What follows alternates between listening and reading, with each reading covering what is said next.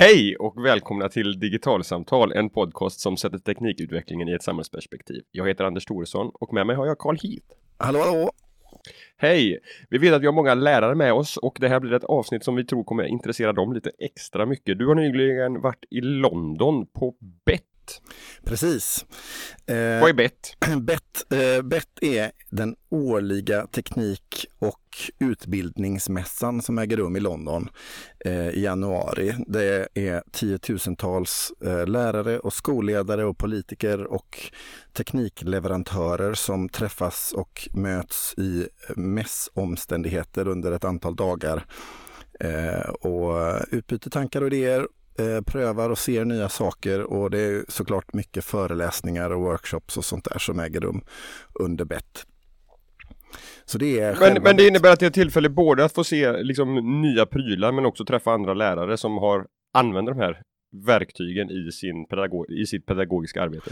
Ja, alltså det är lite lustigt för som det har kommit att bli så har BET kommit att bli eh, den teknik och utbildningsmässan som flest svenskar tror jag eh, engagerar sig i någon mening. Eh, det är tusentals eh, svenskar som, eh, från utbildningssektorn som varje år eh, åker till BET. Eh, och det arrangeras resor dit eh, av olika, eh, både kommuner och teknikleverantörer och andra.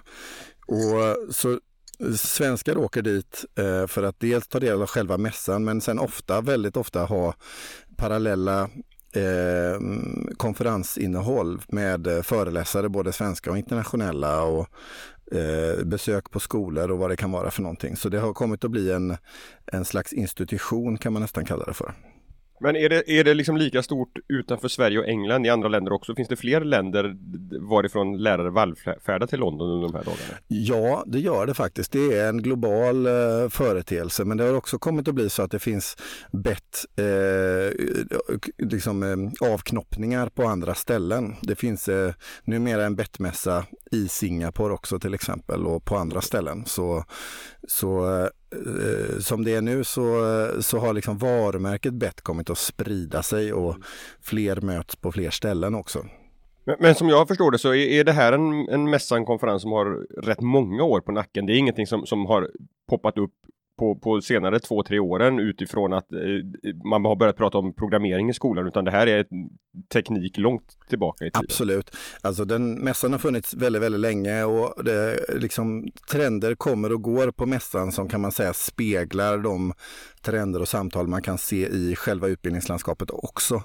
Eh, vissa grejer kan man se där varje år men sen så dyker det upp eh, områden som man kan se att här, här har, eh, pågår liksom någon form av trend eller vad vi kan kalla det för i, i utbildningssektorn. Vad, du har varit där förut. Vad, vad, vad, tyckte du var utmärkande för, för årets upplaga? Alltså det finns ju några saker, om man ska börja ändan liksom, av saker som brukar finnas på bett och som inte är särskilt kanske jättespännande för oss i Sverige, men som ändå säger någonting om att det här är en brittisk mässa eh, primärt. Det är att det är ett ganska så stort fokus på säkerhet. Eh, I England har man en väldigt annorlunda lagstiftning och kultur vad gäller hur eh, elever har tillgång till internet och eh, vilken nivå av eh, så att säga kontrollerad trygghet som en elev ska ha i klassrummet. Okej, okay, men pratar du om fysisk säkerhet nu eller pratar du om säkerhet på nätet? Både både och. Alltså det finns okay. mängder av eh, återförsäljare eh, på Bet eh, som säljer sådana här eh, stålskåp som man kan ladda liksom en klassuppsättning med iPads eller Chromebooks eller något sånt där och rulla omkring med dem i skolan. I Sverige så är det ganska vanligt om man nu tillhandahåller en dator per elev så brukar väldigt ofta eleverna få ta med sig de här datorerna hem. Eh, kanske inte de allra yngsta åldrarna men generellt. Men i, i eh, en engelsk skolmiljö är det betydligt mer sällsynt sällsynt och då uppstår behovet av de här eh, säkerhetsskåpen eh, som det dräller av verkligen på den här mässan. Det finns ju tusentals eh, upplever sådana här skåp. Eh, sen den digitala säkerheten den är precis lika omfångsrik på den här mässan. Eh, man pratar om eh, det finns massor av leverantörer som på olika sätt kan ha koll på eh, vad elever gör och hur och så vidare. Man skulle nästan kunna kalla det för spyware, men den är designad för att en lärare eller rektor ska kunna se precis allt som sker och händer i skolans digitala nät. Finns det någon diskussion om integritetsaspekten utav att, ha, att, att skolan använder sig av den typen av verktyg? Inte i England i den högre utsträckning som vi har sådana diskussioner okay. i Sverige. Det, det, finns verkligen en, eh, en kulturskillnad eh, upplever jag i hur man tar sig an de här frågorna. Det är en något mer paternalistisk eh, inställning i England än vad det är i Sverige. Att det är helt okej okay att vi massövervakar elever i, i skolmiljön och tar reda på allt de gör. Eh, det skulle vara svårt att driva igenom något liknande tror jag i, i en svensk kontext. Mm. Sen de här sakerna, det är sånt som eh, händer från ett år till annat. Men om man tittar på saker som jag kan uppleva har bubblat upp mera i år så kan man säga att det har gått eh, från att ha varit ett antal år där molntjänster och eh, Googles app-ekosystem och app appar överhuvudtaget var liksom väldigt mycket i luften för en fyra, fem år sedan, något sånt där. Eh, tre år sedan, till att det nu kommit att glida över till att bli mycket mera eh, fokus på det som du inledningsvis berörde, alltså elevers eh, möjligheter till att lära sig programmera eller att skapa med IT som material. Den typen av eh, leverantörer och montrar och organisationer som visar på exempel och sådär det har verkligen exploderat de här sista två åren om man jämför med ja, men, hur det har varit så, tidigare. Så tidigare, tidigare har det handlat om, om infrastruktur för de traditionella skolämnena på något sätt och, och, nu blir det mer för det här kreativa, det här och, och teknikkunskapen som, som ju England ligger långt fram i tillsammans med flera andra länder också. Att, att det har blivit mer fokus på den typen utav, utav produkter och verktyg och tjänster? Och... Ja, man, man, skulle kunna säga det att alltså, där vi under ett decennium i utbildningssektorn har, när vi pratar om IT i skolan så pratar, har vi pratat väldigt mycket om hur-frågorna. Eh, hur designar vi teknik så att vi förbättrar möjligheten för en elev att lära sig saker och ting? Den frågan eh, har uppehållit eh, utbildningssektorn i Sverige och internationellt väldigt mycket. Men vad som har hänt de sista åren det är att det har skett en glidning där man istället börja prata om innehållsliga frågor i skolan. Inte så mycket hur utbildar vi i matematik med hjälp av digitala verktyg utan snarare vad är det för innehåll skolan behöver Eh, tillhandahålla för att elever ska förstå sin digitala samtid. Och då har ju eh, frågan om teknikkompetens, eh, programmering, eh, att förstå ett digitalt samhälle, eh, makerkultur och så vidare kommit att bli allt viktigare inslag i eh, paletten av vad man diskuterar på en mässa som bett. Men, men allt det som du säger där är ju sånt som, som ligger bakom tankarna om att, att svensk grundskola ska börja undervisa i programmering. Det handlar inte om att utbilda programmerare i första hand utan just att, att skapa en digital allmänbildning, en, en, digital grundkompetens om hur tekniken påverkar hela samhället. Ja. Är, är, finns det samma resonemang i, i, andra europeiska länder eller, eller finns det andra länder som mer tänker på det här som en arbetsmarknadsåtgärd? Alltså, uh, de här två argumenten, arbetsmarknadsargumentet kontra samhällsargumentet, de varierar lite grann från Eh, eh, kanske inte så mycket från land till land, men från aktör till aktör. Näringslivet trycker ju väldigt ofta på att det här handlar om att liksom, vi ska ha fler programmerare medan eh, den som skriver nationella kurs och läroplaner oftast eh, har liksom andra eh, tankar i huvudet också som just handlar om de här samhällsperspektiven. Eh, och, och, man kan verkligen se det eh, när man promenerar runt på Bett också, att det uppstår fler aktörer som är engagerade i de här frågorna utifrån eh, ett samhällsperspektiv eller för att eh, få barn att se vikten av programmering. Det, har, det finns en stark eh, drivkraft hos många aktörer för att öka engagemanget för unga tjejer att intressera sig för teknik. Och det görs sådana studier och de presenteras i samband med BET och så vidare. Så, så eh, det finns eh, eh, krafter från alla håll och kanter som driver på den här utvecklingen men man kan verkligen se på, mm, eh, på BET att, att det här är någonting som många aktörer tar på allvar. I år till exempel så hade Eh, Microsoft eh, som monter, de hade ett, jättestort makerspace som sin monter där de hade kodare och, och, andra ifrån Microsoft som visar och förklarar hur man kan lära barn att programmera och skapa och så vidare. Och, eh, eh djupt engagerade i, i den frågan. Eh, och likadant med Samsung och andra aktörer som då går in och och eh, peka på just de här aspekterna.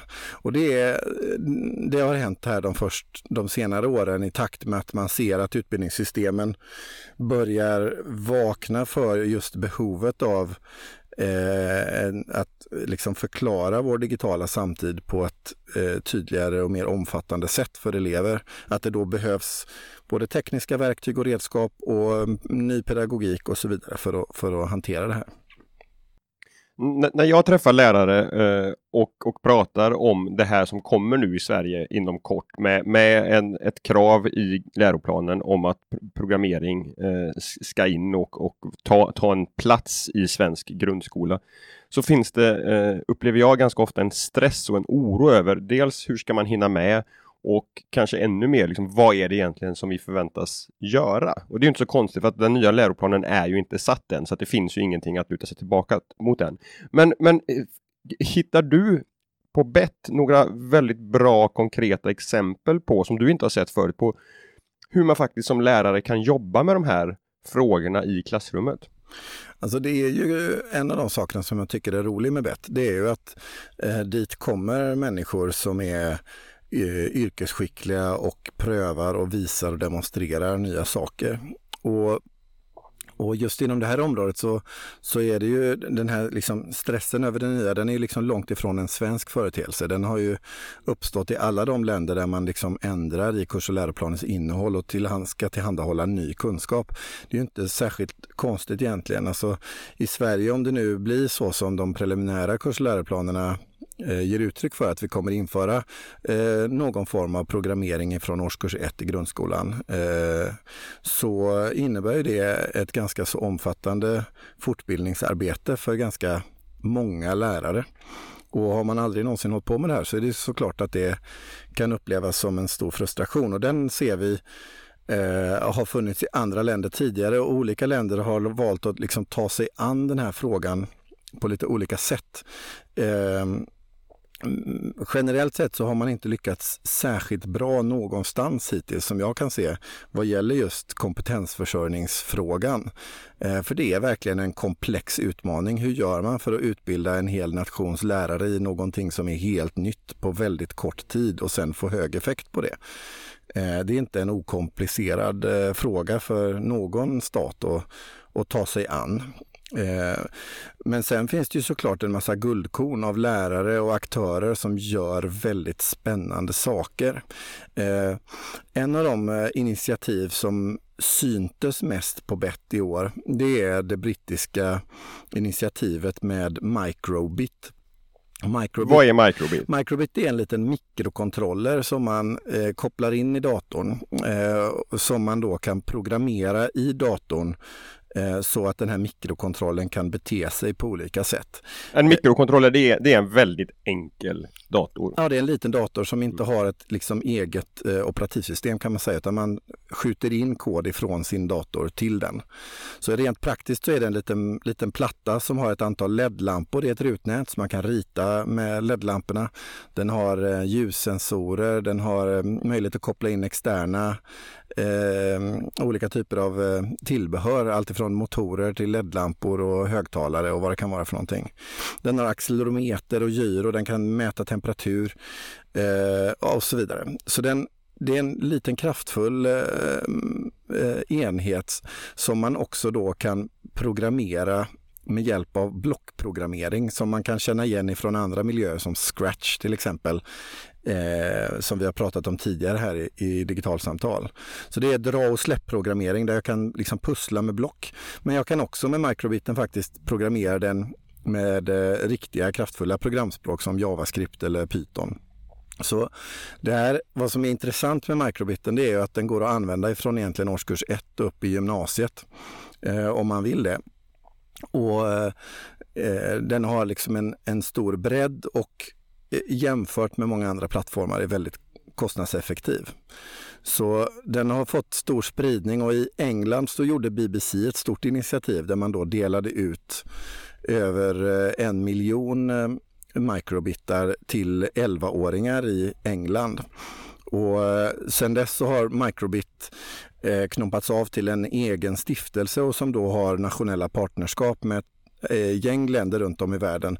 För att det just är många som ser att den här plattformen har ett antal unika karaktäristika som gör det möjligt för ett utbildningssystem att ta sig an den här ganska så stora frågan om att lära barn att programmera och att få lärare att känna ett engagemang och enkelhet för det. Men, men, hur kommer det sig att ett public service-bolag som BBC har en sån central roll i, i, i utvecklingen och, och distributionen utav en mikrokontroller som ska lära barn och ungdomar att programmera? De har ju lite historia i det här BBC, för på 80-talet så eh, var de också engagerade i det här och hittade på en plattform som då hette eh, Micro. Eh, och, eh, så de hade lite historik, men när de då såg att eh, nu förändrar vi kurs och läroplanen i England så eh, uppstod det eh, liksom en frågeställning kring ja, men hur skapar vi go, go, så liksom som, eh, som en utbildningsinstitution som BBC faktiskt är. Hur gör vi för att tillhandahålla god undervisning och eh, hjälpa utbildningssystemet på traven? Och då landade man i att tillgången till en sån här fysisk produkt som man kan se i rummet hur koden förändrar och påverkar någonting. Det är en väldigt kraftfull historia och det kan man också se nu. De har eh, ganska ny data på där man har tittat på delar av den här utrullningen i England och en sak man kan se det är att eh, tjejer, unga tjejer som använder microbiten de får en betydligt högre intresse för teknikorienterade ämnen om man jämför med eh, där de lär sig programmera eller så på andra sätt. Eh, som en delmängd av eh, några olika resultat som de har fått. Så det finns någonting intressant med att jobba fysiskt med programmeringen och att se och sin kod exekveras så att säga och påverka den riktiga världen som får eh, konsekvenser utanför just själva produktionen av kunskap kring programmering. Så det är en, jag tycker det är en intressant plattform. I, I höstas så gjorde jag och en kollega här på RISE Interactive, där jag numera jobbar, eller som vi numera heter. Vi gjorde en eh, hel serie med utbildningsmaterial kring microbiten och, eh, på både svenska och engelska och det här materialet har också landat ganska väl och vi kan se jag eh, kunde se både på bett och, och eh, i andra sammanhang ett, allt mer ökat intresse i Sverige för den här plattformen. Ja, och det, och det, det kan ju vara värt att nämna också att det finns ett antal webbutiker nu där, där den går att köpa i, i Sverige och den, den kostar runt 200 kronor styck eh, om man handlar den där tror jag. Eh. Absolut och de flesta som levererar teknik till eh, skolhuvudmän har också de här på sina inköps. Eh, listor. Så, eh, så den, den går numera att få tag på lite lättare än vad det gick tidigare. Absolut. Så det är, en, det är intressant att en sån här plattform som BBC tog initiativ till, men där det är ett 20-tal företag som står bakom allt ifrån Samsung och Microsoft till Nordic Semiconductor och, och många andra, har, har eh, fått ett så starkt genomslag i utbildningssektorn. Jag tänker att det finns en annan fördel här med att, att det blir liksom ett sånt, sånt stort konsortium som står bakom. För, för jag har eh, under de senaste två åren, kanske två och ett halvt åren, testat och skrivit om rätt många olika sådana här programmeringsbara robotar och, och, olika liksom, paket och produkter som ska lära barn och ungdomar att, att programmera. En del har varit bra och en del har varit dåliga. Men, men det som jag framförallt slås av när jag testar alla de här är att de kommer ofta från ganska små företag som har satsat sin utvecklingsbudget på att göra den här roboten och sen hoppas att den ska ta fart. Men att det inte är helt lätt att se att det finns en långsiktighet i det här.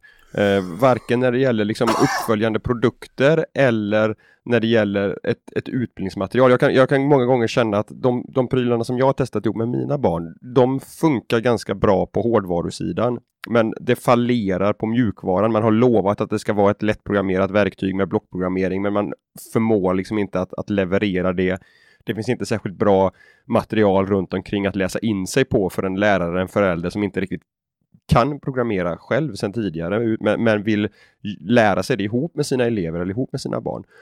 Uh, och att man då, om man då liksom faktiskt lär sig ett av de här verktygen och sen så går det ett år och sen så går det inte att köpa en ny klassuppsättning utav det utan då kan man känna att ja, men då måste man börja om med någonting nytt. Att, att jag kan i alla fall känna att det kan gå att ha en viss förhoppning på en satsning som Microbit, att det ska finnas en, en tydlig långsiktighet i det över tid men också att det ganska snabbt ska kunna byggas upp en ganska stor mängd eh, Eh, ja, men pedagogiskt stöd till de lärare som nu förväntas börja med programmering i klassrummet?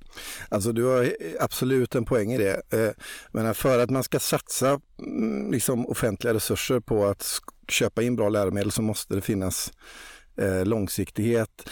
Materialen behöver liksom kunna hantera progression, att man faktiskt kan jobba med det över tid.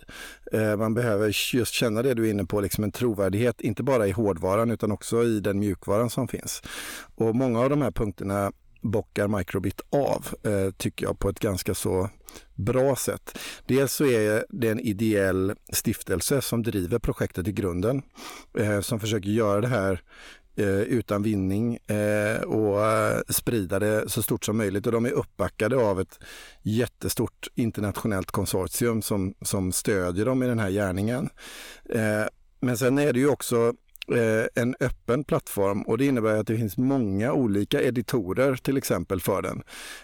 Samsung har byggt en editor som man kan jobba med mobiler och Android-plattor eller Eh, eh, den typen av prylar. Det går att använda den på iPads. Eh, man kan eh, programmera med den på Chromebooks. Och det, det, finns editorer som är dra och släpp-programmering med, med block. Och det finns editorer för att jobba med Python till exempel. Eh, så det finns många mjukvarumiljöer att gå in i och det finns öppna översättningssystem eh, för att kunna översätta de här editorerna till flera olika språk.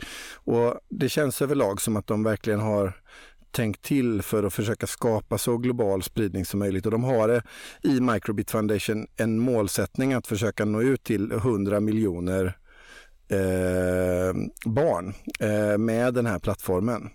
Så, eh, så eh, ja, det är intressant att, eh, eh, att, att den har fått en hel hög av de här egenskaperna.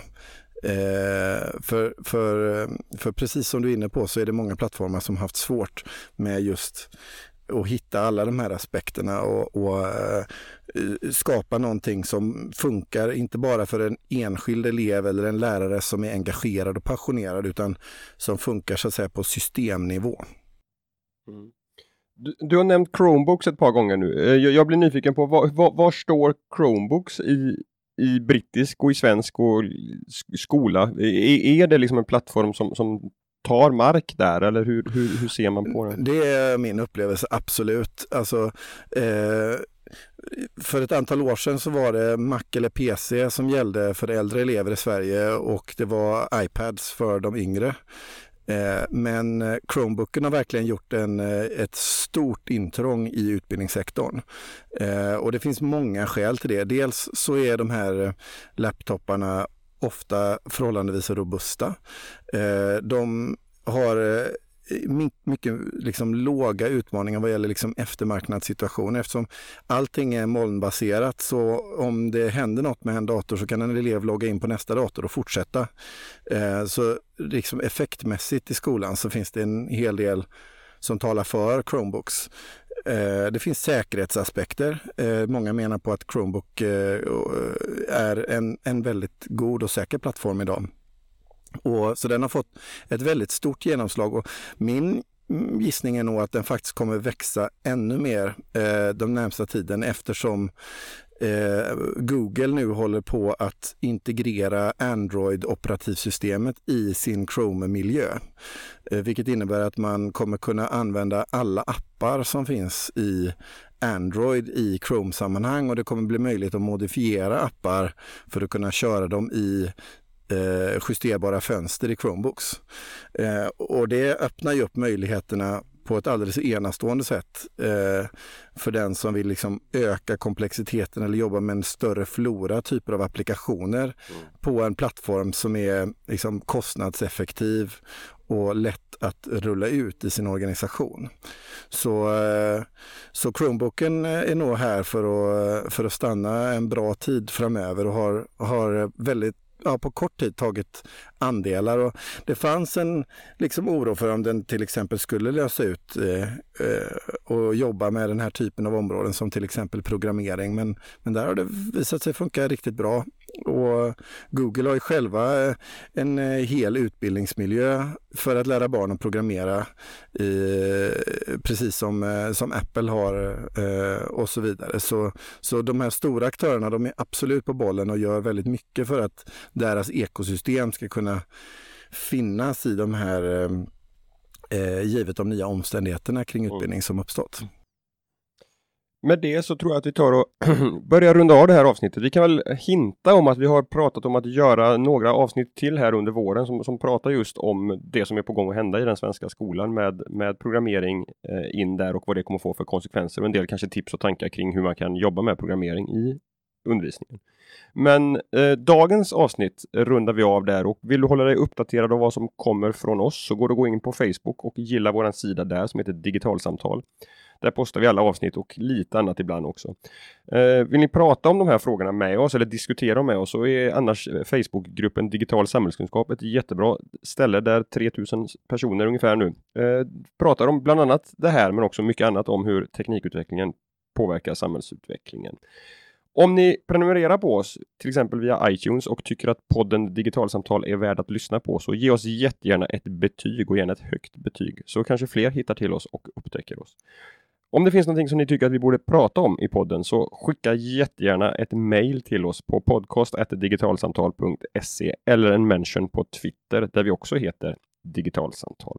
Men med det så tackar vi för idag och hörs igen om en vecka. Hej då! Hej då!